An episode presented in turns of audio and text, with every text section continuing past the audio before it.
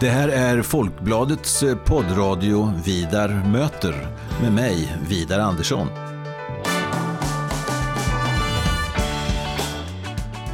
Jag är eh, chefredaktör på Folkbladet och jag är också ansvarig för Folkbladets ledarsida som eh, skrivs utifrån en oberoende socialdemokratisk hållning. Så i den här poddradion kommer jag att möta politiska personer av olika slag och vi ska ha ganska så korta och hoppas jag rappa samtal om stora och små samhällsfrågor. Varmt välkommen till Vidar möter.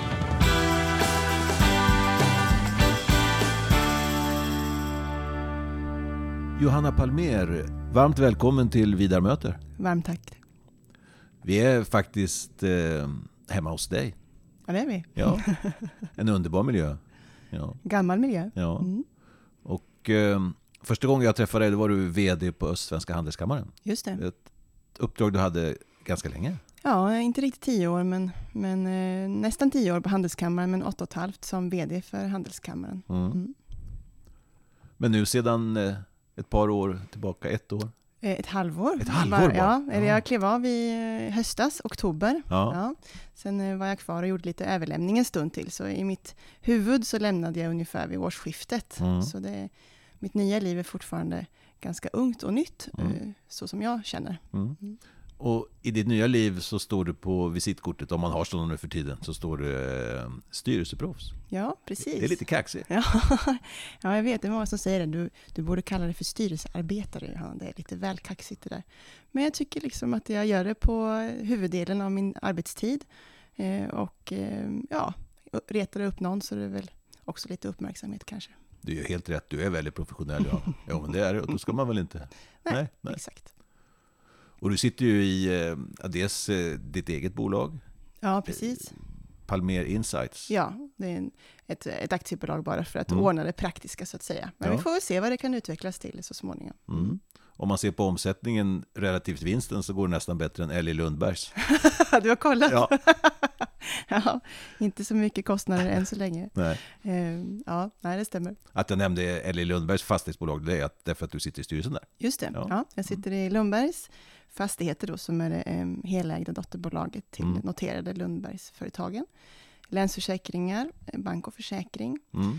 innovationsbolaget Prodelox på Mjärdevi, eh, miljö och hållbarhetskonsulten Envima, där jag är ordförande. Och Mm. sen är jag med i Åmans traktorcenter, Mm. vilket jag är väldigt glad över, Ja. för det är ju John Deere återförsäljaren i den här regionen. Ja, oj. Ja, och Mm. John Deere är ett mycket intressant företag som lägger otroliga pengar på forskning och utveckling och, och eh, delvis elektrifiering av off-road kallas det då. Jaha. Mm, Ja, vad mm, spännande. ja. Och så två till förresten. Eh, Newton Nordic som då gör eh, riktigt bra kameror för stora events. Mm. Eh, och sen eh, Göta kanal. Ja, Göta kanal, Mm. vilket hedersuppdrag. Verkligen. Ja. Är jag mycket glad över eftersom jag gillar gamla miljöer och lite Ja. historia och så. Eh, men även framtid och det, ja, det är jag väldigt glad över. ja. Du, det där lät som om du har att göra. Ja, Ja. Du, jag bad att få träffa dig eh, av flera olika skäl, men framförallt jag tänkte, vad, liksom det är väldigt underliga tider vi lever i och som slår stenhårt mot näringslivet. Också. Ja.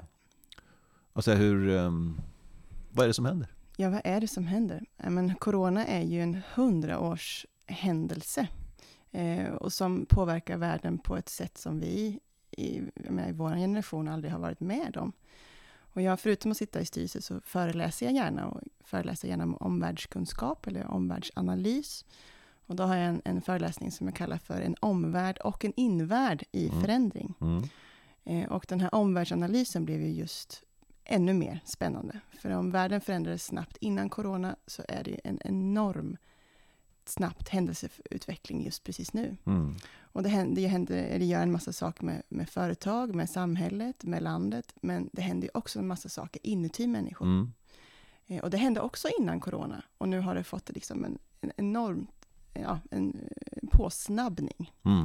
Och det tycker jag är väldigt spännande, för att använda ett positivt ord. Mm. Och då vill jag bara tillägga att jag naturligtvis tycker att det är tråkigt, allt det negativa som händer. Mm. Men om man bara tittar på samhällsutvecklingen nu så är det ju mycket spännande. Ja.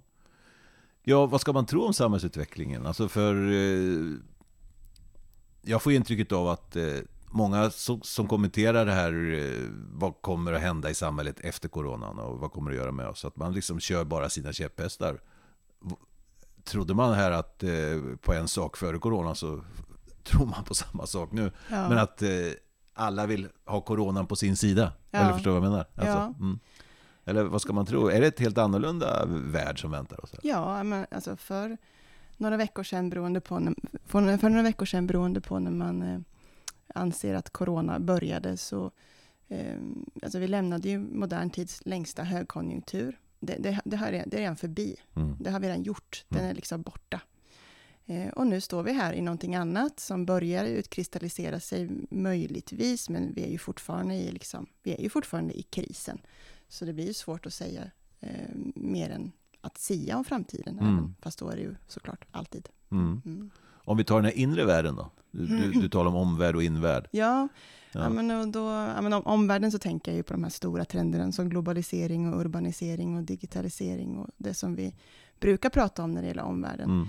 Men invärlden eh, är ju spännande därför att nu är vi så många människor som eh, sedan länge har tackat nej till religionen till exempel.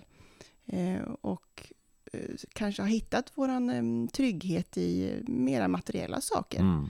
Och så slås det undan och vad händer då? Vad ska vi då se en mening i? Mm. Eh, därför tycker jag det är trevligt att bo på en prästgård så här, titta ut genom fönstret och se en kyrka. Inte ja. för att jag är överdrivet religiös, utan för att det påminner mig om hur viktigt det är för människan att ha någon mening i livet. Mm. Och det är nog många som har tappat det nu, och det kan skrämma mig. Mm. Eh, jag har också en, en dragning åt det religiösa, åt det kristna, framförallt med sig sen barndomen och mm. sånt där. Och sen alla visheter man behöver egentligen finns ju de här stora världsreligionerna. Ja. Och som har, har följt människan i tusentals år. Ja. Jag tycker är, en sak jag har, har fastnat för det är en vishet. Jag, jag läste en, eh, en predikan av eh, en studentpräst i, i Lund. En gammal predikan jag hittade på nätet mm. från 2006. Hon talar om dödsskuggans dal. Ja, just det. Ja, det är otroligt intressant. Mm. Men alltså den visheten, så att säga, att man ska inte... Man ska igenom den och man ska gå igenom sorgen, men man ska inte stanna där. Nej. Nej. Och jag tänkte på det att de här pressträffarna som är klockan två varje dag med Folkhälsomyndigheten. Mm. Jag har, jag har slutat att titta på dem för länge sedan. Det är helt makabert. ja. Alltså att ett helt samhälle bara sitter och räknar döda. Ja, eller? Nej, det är ju, precis. Det har ju aldrig hänt i modern tid. Och det är ju en, en liksom fruktansvärd symbol mm. för det dagliga livet. Ja. Mm. Eh, men en annan liknelse från Bibeln är ju det här med moratoriet, heter det ju, när eh, det är runt påsken för mm. övrigt, när eh, väl Jesus går in och så, så försvinner och så kommer han ut och, mm. och gör det i en helt annan skepnad. Mm. Och det kan man ju lätt då eh, pensla över på samhället där vi är i idag. Vi har mm. gått in i någon form av moratorie och det gör ont och det skaver och det kommer att ompröva en massa sanningar. Mm. Men förhoppningsvis då, om man är optimist, och, och det är jag, så kommer vi att komma ut kanske något bättre, vi mm. som fortfarande står på benen. Ja, precis. Ja, det är alltid segraren som skriver historien om man ska uttrycka sig. Ja, just det. Ja. Ja. Eh, vad tror du själv? Ja, jag, jag tänker nog så här att eh, det mesta kommer nog vara så ganska likt. Alltså människan mm. är människa. Mm. Otroligt anpassningsbar. Ja. Det är det som gör att vi, vi klarar oss. Liksom. Vi gör ju inte som älgarna, fortsätter gå över vägen fast man blir överkörd. Utan, nej, man bygger en bro liksom. Ja, eller Ja. Nej, det, så är det ju. Vår evolutionära, eh, vår evolutionära del har ju gjort oss väldigt anpassningsbara. Ja, ja visst. Samtidigt som jag tycker att människor är väldigt dysfunktionella. Mm. Hur, hur då menar du? Ja, men eh, alltså eh, att döda varandra över till exempel då olika religioner, mm. eller döda varandra över um, nationella gränser. Mm. Att bli, ja nu kommer jag få skit, men att ja. sätta sig i drogmissbruk eller stor liksom, mm. övervikt, eller mm. alla de sakerna som vi egentligen vet är dåligt för oss mm. och som vi ändå gör. Mm. Det är ju inget annat än dysfunktionellt, Nej. tycker jag. Eller mänskligt kanske? Ja, men okej, ja, men om människan ja. är dysfunktionell ja. så blir det eh, så att människan, att det är dysfunktionellt att vara mänskligt kanske. Mm. Ja, det kan ju vara det. Mm. Eh, jag vet, jag slogs av någon tanke här för ganska många år sedan att eh, när jag satt och pratade med en, eh, en jättegammal dam som jag tänkte var liksom vishetens gudinna på något mm. sätt. Jag tänkte, Gud, var kommer allt detta ifrån? Och då sa hon någonting som att eh, Jo, det där har Gud räknat ut, sa Det blir mycket Gud här nu. Ja, tro, men, ja, det, ja, det, det, men det har Gud räknat ut att för att inte människan ska hinna ställa till med för mycket. Mm. Så precis när man börjar förstå det mesta, Mm. då är det dags att dö. Ja. Ja, ja, in- Ja, det var ju en bra liknelse faktiskt. Eh, nej men, och man kan ju tänka då, eller det jag tänker på då är att ingen population har heller vuxit sig eh, stor och större i all oändlighet. Nej. Alla populationer i, genom jordens historia har alltid förr eller senare Mm. dött ut. Mm. Eh, Och då undrar man ju lite vad, ja men det kommer en, en, ett, en pandemi här som skrämmer upp de flesta och eh, skulle det kunna hända mer stor, storskaligt då skulle det ju verkligen kunna påverka Ja. den mänskliga historien. Mm. Ja, precis. Och vi lever ju så fjärrade där. Det går inte att ta in. Jag, vet, jag, jag tror alla från till... eh, Man ligger och fantiserar och tänker så här. Jaha, det här kanske är början på jordens undergång. Ja. Tänk om det är det. Ja. Ja. Ja. Ja. Inte på jordens undergång, Nej, inte, men kanske mänskligheten Ja, ja, då. ja. Eh, För, det finns ju många sådana nature strikes back-tankar Ja. nu, att menar, här har vi missbrukat jorden i, i många år. Mm. eh, och, och förstört delvis. Och ja, och då nature strikes back. Här kommer ett litet virus som Mm. kommer att förgöra er. Mm. Mm, ja, det är, ju- det är inte omöjligt Mm. att det är så. För vi behöver, naturen behöver ju inte oss människor. Vi behöver naturen. Ja, precis. Sen har jag lite svårt för det här med nature strikes back, ungefär som det skulle vara någon... Egen, som, Ja. som skulle ha en egen vilja. Ja, eller Ja, ja. Nej, man kanske tillskriver det lite för mycket mänskligt kynne Absolut, absolut. att, eh, Utan den är väl som den är och reagerar och ja, ja, och det, saker händer. ja saker händer. visst. Mm. Men eh, Så är det nog. ja. Men om man tar... Eh, dyka in lite, lite till den här inre världen. Eh, känner du själv att du har upptäckt några sidor hos dig? Eller, eller några andra djup? Eller några, I och med detta? Ja. ja. Ja, men min eh, resa kom lite tidigare. Ehm, vi pratade här lite innan. Mm. Vi har fyra barn och ett barn är född med en svår hjärnskada. Så under mina nästan tio år på Handelskammaren, som jag tänker på lite som ett maraton, för det Mm. var ju såklart ett tufft arbete att, att göra en förändringsresa. Mm. Men jag gjorde också ett maraton på hemmaplan Ja. med familjen. Och de där två parallella maratonen krävde många gånger mycket mer än vad jag hade. Mm. Och, och därav mitt lite mera luftiga schema Ja, nu. jag förstår det. Eh, men, men det med våran tjej Estelle då, som är född före kronprinsessans Estelle, Mm. så eh, lärde jag mig, ja, hon har varit min största läromästare helt enkelt. Och det föreläser jag också om idag gärna kring ledarskap och då väver jag, väver jag in hennes, eller vår Ja. historia. Därför att, ehm, ja, jag har träffat både kungen och statsministern, men det finns ingen som har lärt mig så mycket som hon har. Nej. Och hon kan ingenting. Hon Nej. hör, hennes kompetens. Ja. Eh, Så jag fick liksom göra upp med mig själv, jag fick göra upp med hur jag skulle se på livet, hur jag skulle förhålla mig till livet. Otroligt smärtsamt för Mm. att tala om moratorier. Mm. Eh, Men jag kom ut eh, tilltufsad och omtumlad, men en- i, min ögon, i mina ögon i alla fall, eller också är det bara för att man vill att det ska vara så, Mm. något bättre människa. Eh, Och, och då började jag vinna priser som årets ledare och så, så Mm. någonstans så fanns det också en, en sanning i att jag kanske hade blivit filad på ett bättre sätt. Ja, är det inte så att eh, sådana där händelser eh, ger ett annat djup? Man, man, man märker ju, och det har jag, det, har jag faktiskt känt med dig, alltså, det, det finns ett annat, du vet, det, finns en sån här affärsglättighet, om man säger så, Absolut. utmaning hit och dit och du vet, Ja. sånt där som gör att man kan, ah, Det är ingen motgång, det är en Ja, ja, utmaning. ja, ja. utan de här mer, eh, ja, ett djup, man, man ser här är en människa som har tänkt igenom saker och ting. Ja. Ja. Ja. men och det var jag så illa tvungen att göra, för jag Mm. hade inget val Nej. än att bara liksom ta ett steg till och fundera på vad som hade hänt. Mm. Och den kanske viktigaste lärdomen, och den tycker jag hänger ihop med corona nu, Mm. och, och min syn på vad som är en människas viktigaste uppgift. Jag tror nämligen inte att det är att liksom hitta rätt religion eller rätt politiska parti, Mm. och liksom, nu går jag helt upp i Mm. detta lilla tankekarta som någon annan har hittat Mm. på. Utan jag tror att det är att lära sig att avidentifiera sig från sin egen hjärna. Mm.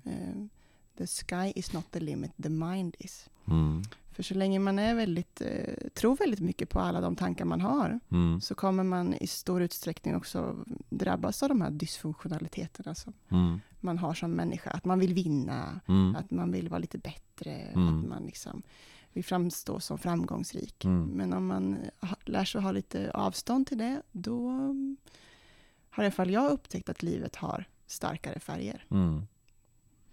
Man säger att, eh, du säger att framstå som framgångsrik, det är något annat än att vara framgångsrik. Man kan ju känna sig framgångsrik, kan man Ja. inte göra det? Alltså utan att... Absolut. Alltså, ju- ju- ja, en, en sån sak som du precis har beskrivit nu, det kan du väl känna, inte att du måste framstå som framgångsrik, men att du kan känna att du, Ja, framgång, att du, ja, har, du har, har tagit hand om det. absolut. Nej, men jag känner att jag liksom har gjort det jag kunde göra från den situationen som, som jag hamnade i. Eh, Och sen kanske någon annan hade gjort på ett annat sätt. Men, men jag gjorde det som jag kunde göra. Mm. Eh, Och det är väl också en sån här viktig lärdom att alltså, alla går på sin egen väg. Man Mm. kan inte hoppa över och börja gå på någon annans väg eller än mindre tycka, att, tycka någonting om någon annans väg. Mm. Men det är ju hela medieklimatet väldigt uppskruvat kring Mm. och det måste ju du märka. Mm. att Ja, liksom, visst. ju mer extrema åsikter desto bättre. Ja, det är ja, liksom mums. Mm. Eh, och samtidigt så de där extrema åsikterna, de, de driver ju samhällsdebatten framåt. Mm. Men frågan är eh, om det gynnar den allmänna samhällsutvecklingen alla gånger. Nej, och nu är vi inne i en fas så där ytterkanterna har ju har det rätt besvärligt. Ja. Det, är ingen som är intresserad. Nej, Nej, precis. Nej. Det är lite högkonjunktursfenomen Ja, visst. Du vet, det har inte varit en ledarskribent i Aktuellt eller Agenda på ett par månader. Nej. Det är bara vetenskapsmännen. Vad tråkigt för er. Ja, ja, ja visst. Det är bara att bita surätet. Det är bara Anders Tegnell för Ja, ja, visst. president. Ja, Ja. visst. Nej, men också att det, det, det finns de som spekulerar om ett lite större intresse då för eh, vetenskap eller någonting sånt där. ja. Men där apropå det dysfunktionella vi talade om förut så, så går det ju snabbt. Man kan ju förhålla sig till vetenskap på väldigt många olika Ja. sätt också. Man Mm. märker ju alla dessa, framförallt män så här, i min ålder, 50, 60, 70, ja. Har en oerhörd dragning har jag märkt i diagram och, Ja. Har och egna staplar. diagram. Ja, ja.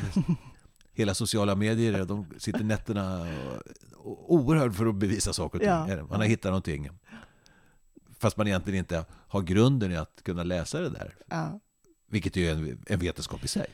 Men eh, det tror jag, just eh, män i den åldern, det kan även gälla kvinnor. Mm. Men jag har ju själv eh, träffat ganska många män i den åldern Ja, och jag blivit klappad på huvudet många gånger. Ja. Och liksom så. Men, och, så jag har eh, dragit min egen analys, att många män i den åldern har en sjukdom som kallas jag måste veta sanningen. Ja, Eller, precis. jag måste ha sanningen och jag måste tala om den för folk. Mm, Annars mår jag inte bra. Eh, och, och det, mm, ja, de kommer ju fram så. Ja. Och, eh, och det är ju jättebra, men jag är väldigt eh, benägen att tycka att samtalsdiskussionen blir trevligare om man inte utger sig för att ha den absoluta sanningen Ja. i alla lägen. ja visst. Mm. Det var bra fångat. Jag har inte Ja. hört det förut faktiskt. Men, men det kan ligga väldigt mycket i det. Och jag vet inte vad det beror på. Men alltså, men det... Men det är väl livsfarligt kanske att att Ja. liksom avslöja att man inte vet. Ja. Att säga att man inte vet, eller inte förstår. Eller om man säger så här att eh, vissa saker går inte att förstå. Om man säger, säger ett, ett eh, hemskt mord eller någonting sånt Mm. där. Så ska man säga, jag, jag kan inte förstå. Nej. Nej, det, det kan du inte. Nej. För det går inte att förstå. Nej, Nej. nej. För du är inte i hans huvud. eller? Nej, nej, men precis så. Så, eh, Det kanske till och med så var så att utifrån den mördarens synpunkt så Mm. var det ett rationellt handlande. Ja, absolut. Eh, Men inte utifrån la- landets lagar och regler. Nej. Ungefär som du sa förut, att man kan inte bara hoppa in på någon annans väg och gå och tro att det gick ju bra för honom eller henne, så nu Nej. ska det gå bra för mig. Nej, precis Nej. så. så att, ehm, Utan eh, det finns så många olika slags rationalitet. ja. Och det här med vetenskap, eh, ja, jag tror att det kommer få ett uppsving Mm. nu i och med detta. Eh, jag hörde ju att antalet sökande till universitet och så har ju liksom tokökat. Ja. Eh, Så det tycker jag är positivt. För ett Mm. annat sätt kan vi ju nästan inte förhålla oss till världen än med en vetenskaplig, Mm. eh, ett vetenskapligt förhållningssätt. Mm. Men om man går tillbaka till det här med att det är så många människor som saknar en mening idag i och med att vi har genomskådat religionerna kanske. Mm, vi förstår att liksom, Kanske inte är riktigt så i alla fall. Nej. och, eh, på tal om det så läste jag någonstans att det här med hokus pokus, det uttrycket, vet du vart Mm. det kommer ifrån? Nej. Nej, det, eh, ja, för länge sedan på, på latin så är det något liknande som då, ehm, det, det här är hans kropp på latin låter nästan som hokus pokus. Okej. Men för de olärda då så blev det hokus pokus. Och Ja. så, så. så det tyckte jag var en liten rolig eh, Ja. liknelse. Men jag tror att vetenskapen kommer att eh, verkligen komma fram. Mm. Och samtidigt så är det ju faktiskt så att inte vet, vetenskapen vet inte allting heller. Nej, och det är väl det som är provocerande med vetenskap i många fall. Alltså man säger att det här måste vi forska mer på. Mm. Det är det vanligaste svaret. Om man, Ja. säger så. Och man kan skoja med det och så vidare. Men det är ju så. Och sen de här vetenskapliga bråken som Ja. uppkommer tiden. Det är ju inga Ah, bråk. Ja, men- De 22 Ja, stackars. ja, ja. visst. Men alltså att du har ju han, eh, vad heter han, Björn Olsen till exempel, en Mm. annan, han är infektionsläkare framstående med stor erfarenhet Ja. och så vidare. Och de har ju stor respekt för varandra, han och Anders Tegnell. Mm. Men de landar ändå i olika... Slutsatser. Ja, Ja, och, och det är inte konstigt. Nej. Jag menar, det finns ingen det här absolut sanning. Det är, ja, det finns några stycken kanske, men, Ja. alltså, men det de är inte så väldigt många. Nej, Nej. nej. Eh, nej, och och ändå så är det ju väldigt viktigt att kunna, för ett samhällsutveckling, att kunna enas om vad Mm. som är den... Det, eh, vetenskapen blir ju lite untouchable på det Mm, viset, ja, visst. vilket är bra, när vi har en massa åsiktskartor. Ja visst, men så är det ändå så att så har du den här avvägningen och det man säger, det kommer ju regeringen aldrig undan. Så avvägning mellan eh, smittspridning, flockimmuniteten Mm, och den ekonomiska, Nej. ekonomiska påverkan. Där måste man göra en avvägning. mm, Så ett ut tre så måste man ju säga att eh, i många, många länder i världen att eh, äh, nu är det färdigt. ja, exakt. Eller hur? Ja, och USA kommer komma dit ganska snart, Ja, det låter det som. Ja. Därför att de har ett helt annat system som Ja. gör att folk har inte pengar till sina egna Nej, räkningar. nej, precis. Måste Mm. jobba. Det här är Mm. också någon klok människa som jag inte kommer ihåg namnet på som sa att det finns tre farliga människor. Det finns de som har för mycket pengar, för de kommer att köpa dig. Mm. Det finns de som har för inga pengar, de kan göra vad som helst för att få Mm. lite bröd kanske. Mm. Eh, och så finns det de som inte längre har någonting att bevisa, eller Mm. de som inte längre tror på någonting. Mm. Eh, och där har vi ju många i USA Mm. nu som, in, som hamnar i liksom, fattigdom. Ja visst. Eh, och dessutom med generösa vapenlagar. Mm. Det är ju livsfarligt Ja visst. att stänga ner ekonomin då. Mm. Och jag såg några, några tv-filmer eh, på, på nyheterna för några veckor sedan när Indien Ja. stängde sina städer. Och man skulle hålla distans. Det kom Mm. någon miljon fattiga gästarbetare från Pakistan. Som Ja. vad ska vi? Så, Nej. Ja, ja, jag menar som folk har det. Jag menar, vi, Ja, Det här området hoppas jag att vi inte skulle prata om, för just vad som händer med det här viruset i eh, de länder som har mycket sämre än vad vi har, Ja. det, kan, det kan jag nästan inte ta in. nej. För liksom, hur ska man kunna hjälpa till Mm. som en enskild individ? Mm. Det är otroligt faktiskt. Ja, man ser de här bilderna och vet hur folk har det. Så, så. Ja, och det, tillbaka till eh, omvärldsspaning, Mm. så, så är vi är ju så många människor på den här jorden nu, Mm. som vi aldrig har varit, och fler blir vi bara. Eh, och om vi då går mot 10-11 miljarder, och, ja, vi kommer ju få problem med vad vi ska äta och vad ska vi dricka. Mm. Eh, och ja, urbaniseringen som ses som en liksom, ostoppbar trend. Alla ska bo i städer och 200 nationer kommer ersättas av 600 storstadsregioner rent maktmässigt. Mm, men nu visar det sig att alltså, eh, för 300 år sedan när vi bodde på landsbygden, eh, det är inte så dumt, för Mm. då har vi en naturlig social Mm. distancing. Mm. Så det undrar jag om inte urbaniseringen kommer få sig en liten Mm. törn av detta. Avslutningsvis då Johanna Palmer som är gäst i Vidar möter idag. Styrelseproffs och med en lång bakgrund på Svenska Handelskammaren. Som vd där. Eh. Hur, hur, eh, hur mycket stryk eh, tar Svenskt när, svensk näringsliv nu? Företag, företagarna av detta? Och är det liksom värt priset? Ja, det är omöjligt att svara på just den sista knorren där. Eh, vi måste ju såklart rädda liv, men det kommer att bli en, en ordentlig U-kurva, gissar jag på. Eh, men underlägg, underliggande fundamenta, den här lågkonjunkturen har ju st- startats av ett virus, Mm. till skillnad från spruckna tillgångsbubblor, även om vi var ganska nära där innan Mm. också. Men jag tror faktiskt att det här kan bli en lite hälsosam eh, återgång, kanske en, ett, eh, att befintliga trender som hållbarhet faktiskt kommer att skyndas på. Mm. Eh, så jag, som den obotliga optimist jag är, så tror jag att vi får en liten bra påminnelse om att världen inte bara handlar om att springa snabbare och snabbare och snabbare, utan att vi kanske helt enkelt kan eh, få en lite bättre värld. Stort tack Johanna Palmer för de avslutande orden.